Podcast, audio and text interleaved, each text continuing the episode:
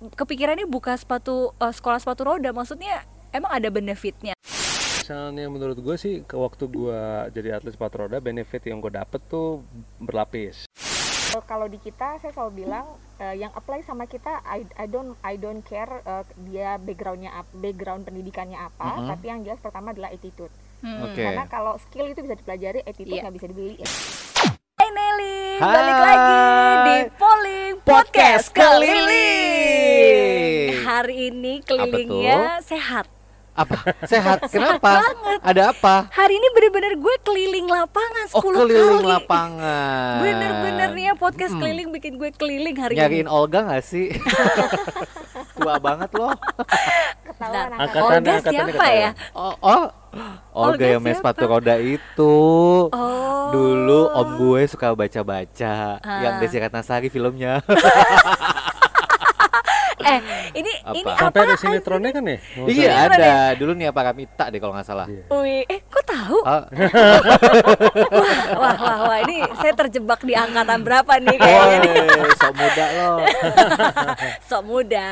Jadi eh, di polling edisi ini kita ingin menampilkan dua ya langsung ya. langsung dua. Mm-mm. Ini sepasang eh, suami istri. Kita bukan KDRT ini. Oh bukan, Bukan. dong. Kalau di KDRT kita ngomongin rumah tangga. Yes. Tapi kalau kali ini kita ngomongin suami istri yang kompak banget bisnis nyari cuan. Wah, kan sekedar cari cuan tapi juga ingin menyehatkan anak-anak di Indonesia. Bener, ini visi misinya oke Betul, loh, menyehatkan ya. semua anak-anak. Bukan Wah. dengan buka puskesmas ya, tapi dengan eh, sekolah eh, roller school namanya ya. Roller Oke. school. Eh tapi sebelum kita ngomongin roller school kenalan dulu dong. kenalan dulu dong. Oh, Kenalan Sang dulu suami namanya siapa? Halo nama saya Tommy. Tommy. Nggak pakai Prabowo dan nggak pakai Winata. Winata. Oh, Winata. Apa Soeharto? Ayo jangan dong. Nanti kita di Alexis syutingnya nih. Oh udah tutup. Oh udah tutup. Oh tahu? Oh tahu? Oh, eh dulu dulu sama sering sama yang nomor berapa? Ketahuan, saya lurus. Oke, ada Tommy dan sang istri di sebelah kenalan dulu. Halo, aku Fitri. Oh. Iya, ini Oke. adalah plan mom. Oh plan mom. Punya kebun raya Jombang. Asik. Oke. Iya, cucok ya. Cuco. ya emang mendirikan sekolah yang bernama Roller School ini Hmm. ya dulu jadi atlet juga atau Hmm. hobi banget berolahraga roller skate ini? Jadi sebenarnya latar belakang saya tuh atlet sepatu roda Plata DKI Mhm. tahun 99 sampai 2004. Oke. Terus karena zaman itu timnas nggak ke ujung jalan ya udah pas kesempatan kuliah ke luar negeri ya udah main sepatu roda ikut tanding di sana. Eh, Sekolah di luar negeri di mana? Di Swiss. Di Oh, Swiss. Uh, wow, dingin ya. di kota mana Swissnya? Kalau saya sekolahnya di Lucerne, ke Oh, di Lusan. Oh, Loser, Oh. Oh, bagian iya, iya. Jermannya. Kalau Lausanne kan Ah, bagian ah. Perancisnya tuh. Iya, Kalau iya, lo iya. kan biasa nongkrong di Kalau gua Lawson Loser, kan? Loser, pecundang. Oh, kirain kirain di Lawson. Loser. Iya. Tuh Karena kalau kalau di Lusan itu kan emang dulu sempat dipakai Olimpiade musim dingin ya. Kalau Olimpiade musim dingin, wah ice skating kan memang udah cabangnya Mm-mm. sendiri Ah, ah, gitu ah, ah, kan. ah. Nah, Itu Oke. macam-macam. Kalau di sana berkembang banget ya. Kalau kema waktu zaman saya tuh memang ada yang namanya World Inline Cup, Hmm. di mana kalau secara bisnisnya tuh ibarat katanya salah satu yang sangat saya look up tuh lah. Jadi Hmm. mereka ibarat kata shut down the whole city, Hmm. mereka ngadain maraton dan party pakai sepatu roda. Wah, seru tuh kayak dibikin di sini. Kayaknya partinya sehat tuh, nggak bisa megang minuman kayaknya. ya. Iyalah jatuh. Masalahnya lucunya gitu, dia bikin 5 kilo, 10 kilo, 21 kilo, ya seperti maraton lah ya. Oh. Kan ada ada kalau maraton maraton lari. Iya, iya, Cuma begitu finish, wihibut Heineken. Oh, bisa tuh kalau kayak gitu gitu gue mau ikutan tuh. Gue Ya. sih enggak deh kalau kayak Iya. gitu. macam-macam. Ah. Terus ada party entertainmentnya yang Gue di bagian udah garis finish aja deh kalau kayak gitu. udah 18 plus plus gue yang wow. Terus memba- Sakti membawa tradisi itu, membawa knowledge itu ke Indonesia.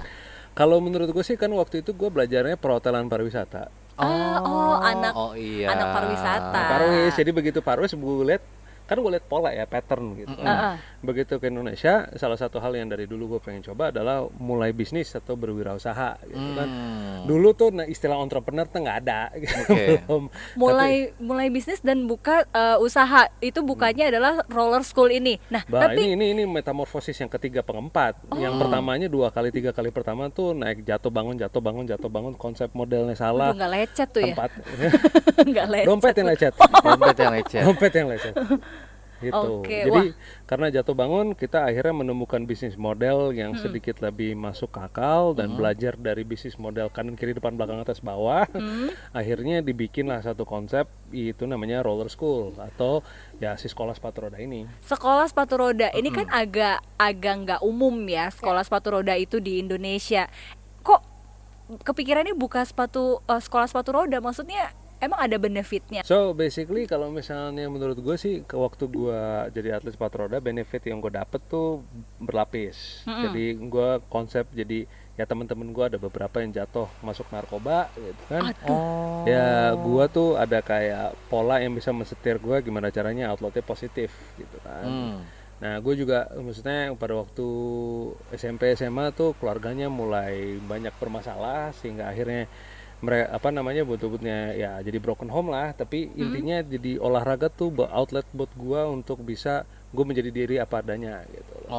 Oke. Di mana imbas lapisannya gue jadi kita bahas mengenai hidup aktif, mengenai pola hidup sehat, mengenai gimana caranya uh, eksplorasi diri, gimana caranya meraih mimpi, itu kan itu kan hal-hal yang soft skill yang menurut gue penting. Sehingga begitu gue udah mulai ngejalanin ini uh, ternyata hal hasilnya anak-anak juga merasakan ada sedikit intan-intan dari situ yang mereka dapat mereka bisa pelajari. Karena soalnya kan kalau roller school itu formatnya nanti mereka ada kompetisinya. Gimana cara kompetisi sehat gitu.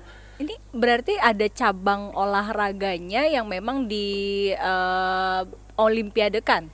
Ke Kalau Olimpiade belum Olimpiade sampai belum, Belum tapi ya? Belum. kemarin Asian Games sudah Asian Asian Games Asian akhirnya Games. udah Iya. itu dia makanya ada ada setahu setahu gue ya itu ada beberapa orang yang emang akhirnya nggak mau melanjutkan secara profesional sebagai atlet karena emang belum ada beberapa perlombaan yang emang belum diklarifikasikan gitu Asian Games aja itu baru ya kalau nggak salah Yes. ya correct. Nah, berarti untuk ini kan awalnya dari pariwisata nih. Terus tiba-tiba eh, buka roller school. Hmm, Nah, ini backgroundnya memang eh, dulu atlet atau gimana nih coach Nah, untuk coach-coachnya semua? karena gue ada sempat waktunya jadi atlet tapi begitu gue jadi atlet pun tempat guru berguru gue nggak banyak Ah, terbatas ya wadahnya Ah. untuk latihan ya. bukan wadahnya tapi eh, orang yang tahu ilmunya Ah, tempatnya ada, tapi orang yang Ibaratnya, benar-benar ah. tahu ilmunya itu jarang. jadi sepatu roda Indonesia tuh dari 1970-an Heeh. dari yang namanya quad skate yang empat roda itulah itu namanya dulu ada lipstick Iya dan itu emang ada masanya tempat eh, gaul itu ada roller rodanya, ah, sepatu rodanya lipstick benar. tuh yang di blok M. ya nah itu yang tadi kita bilang roller disco Iya, kalau di kalau di kalau di film-film tuh kan dulu ada tuh ya. Ah, apa Olga si sepatu roda? Bukan film eh, Hollywood sana juga ada Ya, yang oh. mengangkat kisah-kisah. lah Iya, gitu. roller ya, ya roller kalau misalnya nonton Trolls Hmm. yang animasi itu so otomatis si pangeran bertemu dengan si pembantu itu mereka out men- date night pertama kan pakai sepatu roda tuh Nah, habis makan si pizza itu nah itu basically Berarti sebenarnya ada masanya sepatu roda ini sempat menjadi lifestyle juga tren dan Betul, sempat dibawa ke betul. Indonesia kemudian hilang begitu aja. no uh, trend life cycle-nya naik turun Oh. jadi 1970-80 naik Mm-mm. Mm-mm. Uh, begitu apa namanya turun sedikit terus habis itu begitu keluar teknologi baru yang sepatu roda lurus tuh segaris Hmm. naik lagi California Pro lah ya dulu ya, ya. itu 90 Tahun-tahun 96 tuh. ya Heeh. kemarin terus Hajar kita di Kang Krismon ya ada tuh 10 tahun tuh bergerak ini lagi 2009 gue sama teman-teman gue coba untuk mulai menggiliatkan lagi dengan bikin pertandingan Eh, jangka waktu 5-6 tahun lah itu dari yang namanya pertandingan pertama kita perhelatan pertandingan tuh kita bikin tuh yang hadir tuh sekitar 20 eh apa 30 40 atlet dari klub-klub yang dorman pada waktu itu. Mm-mm. kemarin tuh 2007 eh berapa ya? 2009 ke 2000 ya 2016 2017 lah. Itu kejurnasnya bisa 700 peserta. So, Indonesia. Jadi sebenarnya antusiasmenya masih ada Betul. ya, tapi Ponnya diselenggarakan kok. oh ponnya diselenggarakan. Hmm. Oke. Tapi ini untuk membuat sebuah manajemen ya roller school. Maksudnya kan belum belum banyak orang yang aware dengan olahraga eh, roller karena kan roller biasanya ya em, untuk gaul istilahnya Ya, kebanyakan. ya, otodidak ya, Kak. untuk Betul. otodidak yang ya kayak sepeda eh, orang bisa main sendiri begitupun. Nah, ini untuk membangun manajemennya akhirnya banyak orang yang bisa percaya untuk mema ya involve lah anaknya em, terlibat di roller school gimana nih? Nah, Um, ini pola kalau- pikirnya dari ibu. Oh, nih. berarti ini perannya sang Dari ibu, istri iya. ya. Oke. Soalnya dia CEO perusahaannya, Mas. Oh, Mantap. CEO. Jadi dari sisi teknis sang suami, sisi bisnis sang Uh-uh. istri, begitu. Oke. Iya, memang. Jadi Wow. jadi kalau secara uh, profiling kalau um, pernah dengar uh, Roger Hamilton, jadi Roger Hamilton itu mem- memprofile orang. Jadi kalau dia itu profilingnya lebih ke creator konseptor. Nah, Ah. sebelah sini tuh adalah yang bagian bungkus. Jadi Ah. supporter trader tuh sebelah sini. Ah. Jadi dia yang bikin, gue yang jual. Gitu kira-kira. Iya, formulanya tepat banget. Iya. Tapi emang kalau pelaku ya. tuh emang agak-agak susah kalau jadi bisnismen ya karena eh, Fokus. fokusnya Ya, jadi sebenarnya berpecah karena ya. Kalau kalau udah terlalu cinta, jadinya uh, yang lainnya gelap Jadi mata, bucin. gitu. Jadi bucin. Jadi bucin. jadi lah- jadi kalau misalnya tiba-tiba ada yang mau ngajak kerja sama segala macam banyakan iyanya tanpa dihitung Ah. dulu Oh, di sinilah oke. peran sang Perannya CEO ini. saya. Oke, eh Jadi nanti dulu Ah, ah, ada jadi- hitungannya. jadi kalau kalau mau ada apa-apa dia selalu lempar oh tanya ibu aja gitu Ah, oke, oke. Soalnya Sebelah di itu Manajer. diundang jadi wasit SEA Games. Wah, itu marah-marah tuh dia. Oh. Jadi supaya tidak terjebak dalam proyek 2M ya. Betul. Makasih Mas. Makasih, Mbak. betul ya, menyuarakan hatiku Iya. Dan jujur aja sayangnya gitu, maksudnya industri ol- perolahragaan Nusantara itu ya industri 2M itu Iya, banyak makasih mas ya. Padahal kalau gue lihat kalau di manajemen dengan proper aja OS-nya banner gitu, hardware-nya udah ada. Itu kan karena setiap pon kan pasti akan ngebangun infrastruktur dong. Ya, Berarti ya, di sini kita dapat dapat apa ya? Dapat pelajaran tuh kalau buat lo semua yang pengen berbisnis dalam sebuah hobi, jangan lo yang punya hobinya terjun Hmm. di manajemennya. Betul. Lo harus cari orang yang memang Ya, harus atur manajemennya ya. memang, Kak. jadi ya Yang kalau strict. Yes, jadi jadi yang namanya kalau kita berbisnis itu kan emang nggak bisa sendiri ya. Kalau misalnya kalaupun mau team up tuh carilah orang yang komplement ya complete each other aja gitu. Mm-mm. Gue strengthnya di mana, dia strengthnya di mana saling saling melengkapi. Nah, kalau tadi cerita apa Katia bertanya mengenai kenapa eh, terpikir untuk bikin roller school, bentuknya sekolah segala Mm. macam, sebenarnya simple sih. Kalau kita bikin eh, kalau kita bikin yang namanya piramida eh, market nih gitu. Mm-mm. Dia Aku kan pikir selama piramida cici. Piramida bermuda piramida. itu. Piramida ya? Piramida. Oke, eh, lanjut. Gue kira bermuda. Jadi kalau kita ngomongin uh, piramida market ini ya, kita ngomongin piramida market, dia kan selama ini dealingnya sama klub ya jatuhnya atlet, pokoknya yang ngejarnya ke prestasi. Hmm. Itu kan berarti kalau di piramida kan dia paling atas ya. Oh, Iya kan? iya nah, betul. sementara market paling besar mana? Yang paling bawah nih orang awam yang Hmm. pengen belajar sepatu roda, but nggak tahu caranya bagaimana. Hmm. Dan hambatannya kan banyak. Pertama, sepatu roda itu kan nggak murah. Penting nih, penting nih. Iya Mm-mm. kan, sepatu roda nggak murah. Terus kalau kita ngomong yang sekarang angkatan yang dulu 90-an main California Pro itu sekarang udah Mm-mm. jadi orang tua dong. Iya. Hmm. Terus pengen anaknya juga bisa main sepatu roda, tapi mereka nggak tahu gimana ngajarinnya. Hmm. Terus kalau mau main beliin aja berujung nggak tahu ngajarinya, sepatu rodanya berujung taruh di gudang. Eh, berdebu. Exactly. Betul. Nggak tahu pas Kan? dipakai udah rusak. Iya. Terus kalau Belajar dari YouTube pun kadang-kadang eh, malah suka Salah. salah. Betul, betul. Terus satu lagi kalau misalnya klub banyak kok di Jak- Mm-mm. Jabodetabek aja klub tuh bisa puluhan loh, banyak Mm-mm. sekali. Nah tapi mostly klub itu dia nggak mau cater yang dari nol. Dia Ah. maunya yang Oke. paling nggak udah bisa jalan deh nanti terus gue nge-pushnya ke Oh. prestasi. Jadi nggak Oke. banyak yang mau cater dari nol nih, yang Well, mau yang ngajarin yang, dari model nol. modelnya mereka adalah ya lu bawa barang lu sendiri jadi ke orang tua tuh cenderungnya adalah ya gue untuk ngikut klub gue nggak tahu anak gue suka apa enggak tapi gue udah harus Udah beli peralatan modal. Nah, ini dia kalau Gitu. tadi kan eh, Iya. kita sempat ngeliat ya pas Betul nih, nih latihannya. sambil kita liatin nih. Ah. Ini sambil kita liatin. Oh, iya. Nah, ini jadi modelnya. Kalau eh, soal ini juga menyediakan juga. Betul. Jadi ini Oke. memang salah satu selling pointnya kita bahwa eh, orang tua yang pengen anaknya atau bahkan kita juga punya kelas dewasa yang Mm-mm. pengen nyobain dulu nih kayak seseru apa sih gimana sih kalau belajar sepatu roda sama roller school tuh Hmm. mereka nggak perlu eh, modal apa apa dulu Hmm. gitu ya udah tinggal ada bayar. kelas dewasa. Ada dong Wih, boleh nih kita nih. Ih, kangen. Kan gue udah Kalau nggak kelas punya dewasa tuh. berarti latihannya setelah jam 9 malam dong. Wah. Nggak gitu ya? Beda. Oh beda. Na- nama nama gue berubah dong, bukan Tommy, Tomita. Atau kita. Saya Ci. Berarti salah satu kelebihan dari uh, roller school ini menyediakan Semua terlebih dahulu semua peralatannya, Lengkap. ya. Dari terus, mm-mm, semuanya. Iya. dari dekernya juga. Betul. Jadi Oh. jadi memang eh, salah satu salah satu yang memang diusung sama roller school adalah safety first gitu loh. Jadi di kita Hmm. eh, anak-anak yang belajar di roller school tuh mereka semua paham. Hmm. Kalau safety nggak lengkap nggak boleh berdiri di atas sepatu roda. Oh wah, eh Oh, tadi juga sempat ngeliat sih. Mm-mm. Jadi sebelum eh, mulai latihan, Mm-mm. pada saat setelah menggunakan semua safety ya, sepatu roda, deker, helm, itu tuh dites dulu semuanya. Udah udah proper nggak ketika jatuh, apa dekernya bisa menahan, lalu helmnya kuat. Itu ada tuh Oke, latihannya. jadi emang emang difasilitasi terlebih dahulu dan nggak sekedar main aja, tapi safety-nya juga diperhatikan ya. Betul. betul. Kelebihan lainnya dari roller school apa? Oke, Kak eh, Fitri. kalau kalau kenapa kita menyebut diri kita sekolah karena memang kita ada kurikulumnya. Jadi wow. kenapa juga roller school itu eh, sebelum pandemi ya kita itu jadi provider ekskul di hampir 10 sekolah internasional di seputaran Jakarta. Boleh Oh. disebut sekolahnya. Oke, British School, Wih. Australian School. New Zealand School, Wah. SCG, Mentari School Jakarta, Sekolah Kembang, apalagi tuh sampai gue lupa apalagi ya.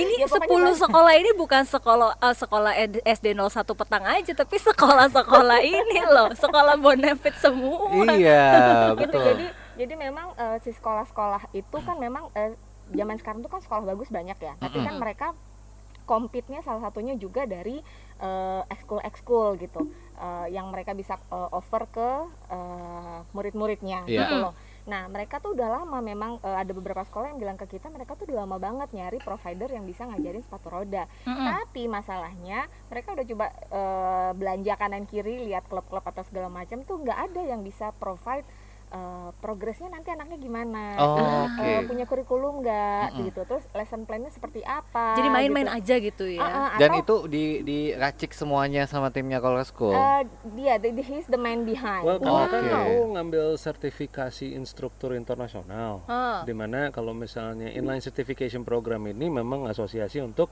memang bagaimana caranya kelasnya international standard supaya pada saat kita memperkenalkannya itu nggak ecek-ecek karena Hmm. permasalahan yang terjadi tahun 90-an tuh Amerika tuh kan jualan sepatu roda banyak tuh ada rollerblade, K2, Rosos apa segala Hmm. macam masalahnya mereka sering kena su juga Karena karena mereka mereka eh, banyak kan kalau customer di Amerika merasa nggak suka merasa di merasa dirugikan apa segala macam mereka akan sue si company itu kan Oh. Mm-mm. nah butuh-butuhnya si company itu bikin asosiasi dagang Hmm. dan bilang waduh kalau misalnya kita kalau cuma kasih waiver form aja nggak cukup hmm, kita harus kayak semacam model edukasi nih. Edukasi ini sebaiknya untuk memperkenalkan olahraga sepatu roda itu gimana? Mereka bikinlah yang namanya inline certification program. Dan udah berjalan sekitar 30 tahun. Mm-mm.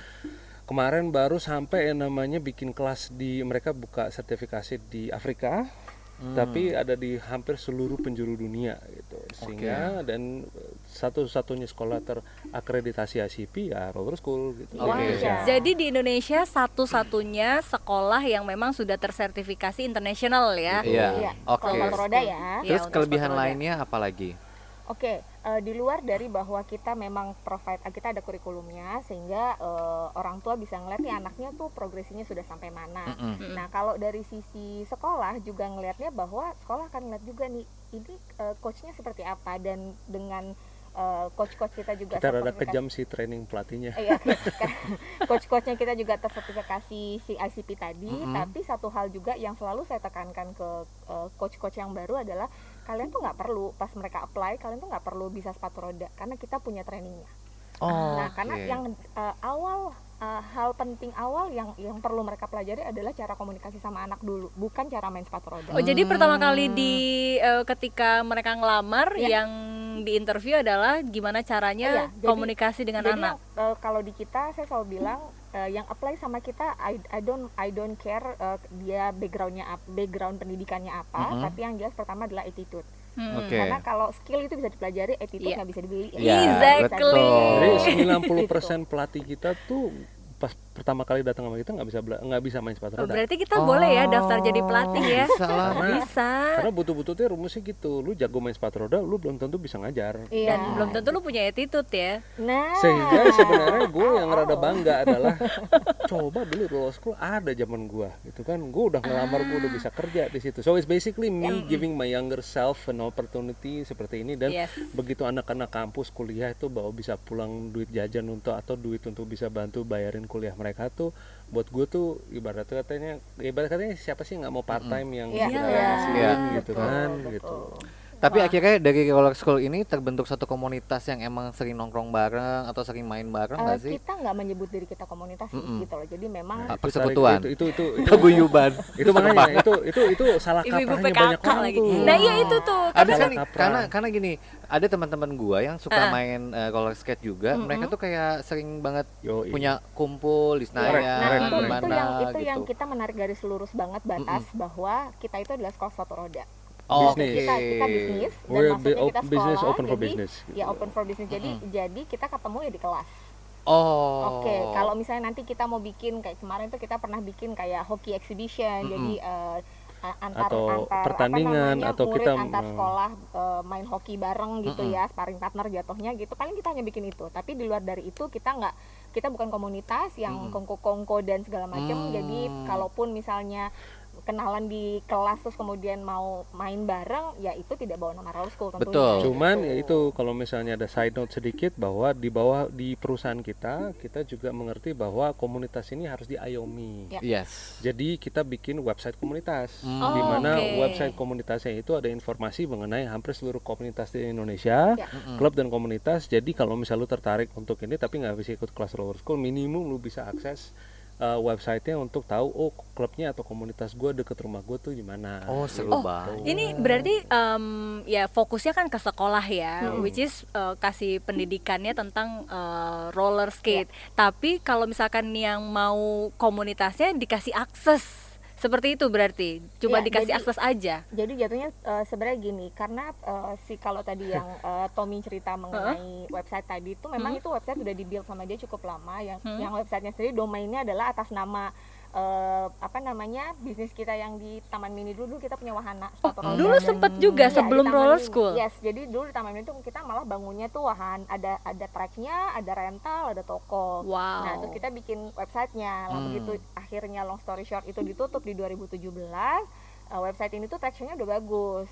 Viewersnya udah oke gitu. Jadi akhirnya sama dia tetap dihidupkan dengan ini jadi websitenya komunitas nih info tentang komunitas sepatu roda seluruh Indonesia. Betul. jadi wadah Iya, ya. ada Nah, artikel. kalau ada dari kita dari roller, juga jadi gitu. pertanyaan tadi menjawab pertanyaan tadi, roller school tuh melahirkan komunitas. Oh, justru melahirkan bukan Nah, jadi mewadahi misalnya ya. ada beberapa customer yang ikut kelas dewasa kita yang udah reguler atau yang ikut privat, udah bisa main sepatu roda, ya udah akhirnya mereka either ngebentuk komunitas atau ikut komunitas. Ya. Seru nih Oke. ya. Nah, jujur aja dan kita di kayak di website komunitas ada daftar toko seluruh Indonesia. Jadi kita mencoba membantu untuk ekonominya untuk Eh, tapi kita baik banget kita, loh. kita Iya. kita Baik kita banget. bagusin deh gitu. Tapi karena gini, kita percaya bahwa eh, olahraga itu kalau disu nggak kalau nggak disupport sama industrinya ya nggak akan maju-maju gitu loh. Betul. Dan kalau aku pribadi ngelihatnya Kalau dalam cuannya nggak muter sih nggak jalan. Nah, dan satu lagi sih dalam dunia bisnis ya gitu satu sektor nih kalau pemainnya tunggal ya nggak akan ke mana-mana juga sebenarnya Iya. kuenya terlalu besar kok untuk dimakan Betul. sendiri Betul, gitu loh jadi betul. kalau Kalau ngelihatnya makan sendiri kekenyangan. Ah, gendut ntar. bener diabetes juga manis ya Diabetes. Ya, gitu kan kalau makan kue kebanyakan Enak tuh kenyang bareng. Hmm, kenyang Iya. bareng-bareng ya. Itu jadi kalau misalnya kayak eh, ngelihat sekarang nih ya gitu em, klub-klub eh, apa sejak kita eh, terjun di dunia sepatu roda kan berarti dari 2010 tuh ya 10 11 tahun ya gitu Kita- ak- kita ngelihat lah eh, aku ngelihat aku pribadi yang orang di luar dari sepatu roda kalau dia kan emang udah nyemplung di dalamnya tuh kadang Udah mungkin- bucin banget ya. Nah, kan sementara aku kan orang luar ya gitu. Jadi kalau aku ngeliat sendiri tuh ups and down dan perkembangannya sendiri, wah ngelihatnya eh klubnya makin banyak, terus banyak yang Di pandemi akhirnya- malah makin banyak ya. iya Oh, Karena gitu. hobi Karena- muncul. Iya. di Satu hobi pandemi. muncul, yang kedua Hmm. outdoor activity diperlukan Hmm, banget. hmm, hmm. Oke. Pertanyaan terakhir ya, ini pastinya untuk Roller School ya. kita pengen tahu juga nih ya apa Hmm. next yang ingin dilakukan oleh Roller School dalam lingkup yang kecil maupun yang untuk nasional untuk Indonesia. Oke, kalau dari sisi em, kalau kita ngomong Dibo- sedikit ya. dibongkar nggak ya? Dikasih kasih No, no, bukan, nggak ya? bukan. Tunggu dulu. Oke, jadi kalau ngomong dari sisi eh, eh, pandemi ini memang hit us quite hard ya, gitu. Maksudnya Mm-mm. kita terefek banget tuh lumayan lah di pandemi ini. Eh, sempat 9 bulan kita nggak ada kegiatan kelas offline sama sekali. Mm-mm. Tapi pandemi ini juga membuat kita jadi ngelihat ada opportunity lain.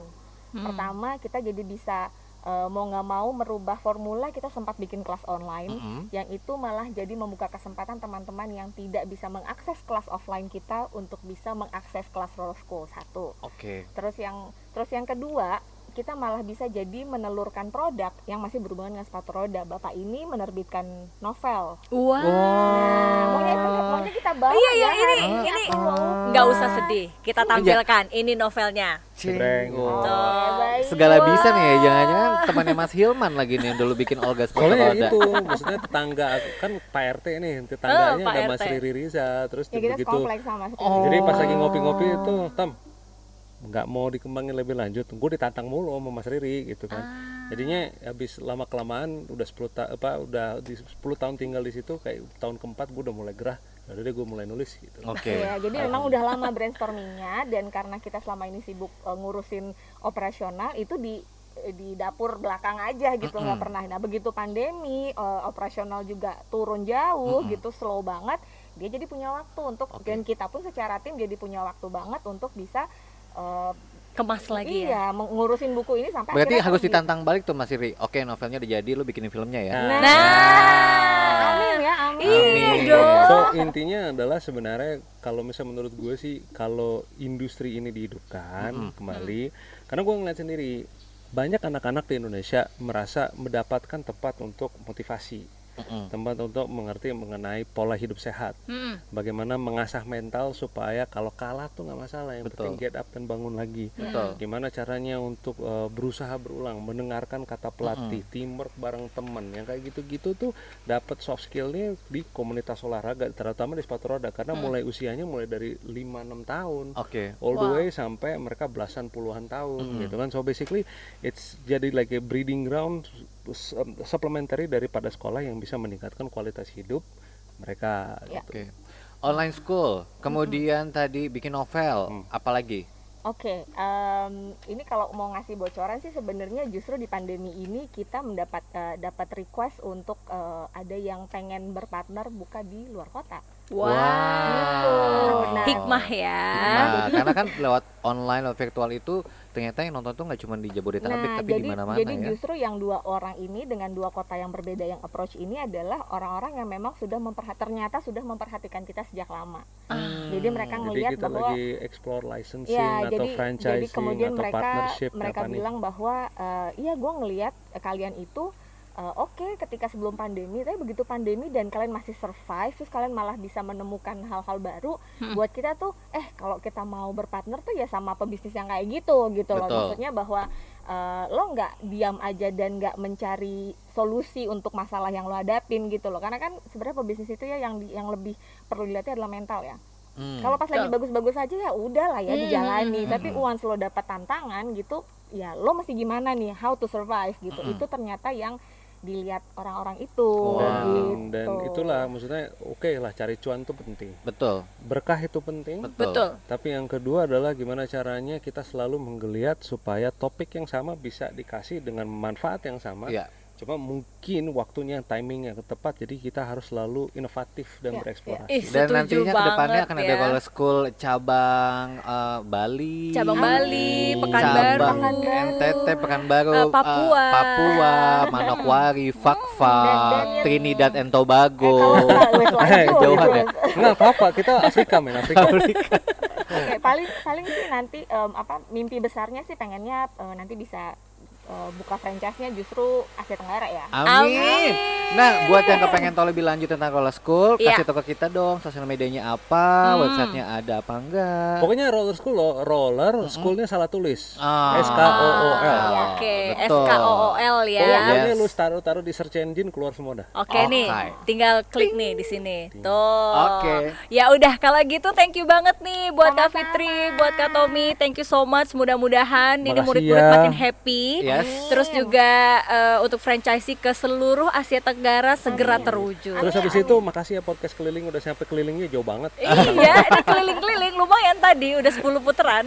Sukses, semoga anak-anak yang dididik juga Hmm. sehat dan yang paling penting adalah industri olahraga di Indonesia juga semakin sehat. Amin. Ya? Amin. Oke, Terima gitu- kasih buat Neling juga netizen keliling. Sampai ketemu lagi di episode berikutnya di Polling Podcast, Podcast Keliling. Keliling.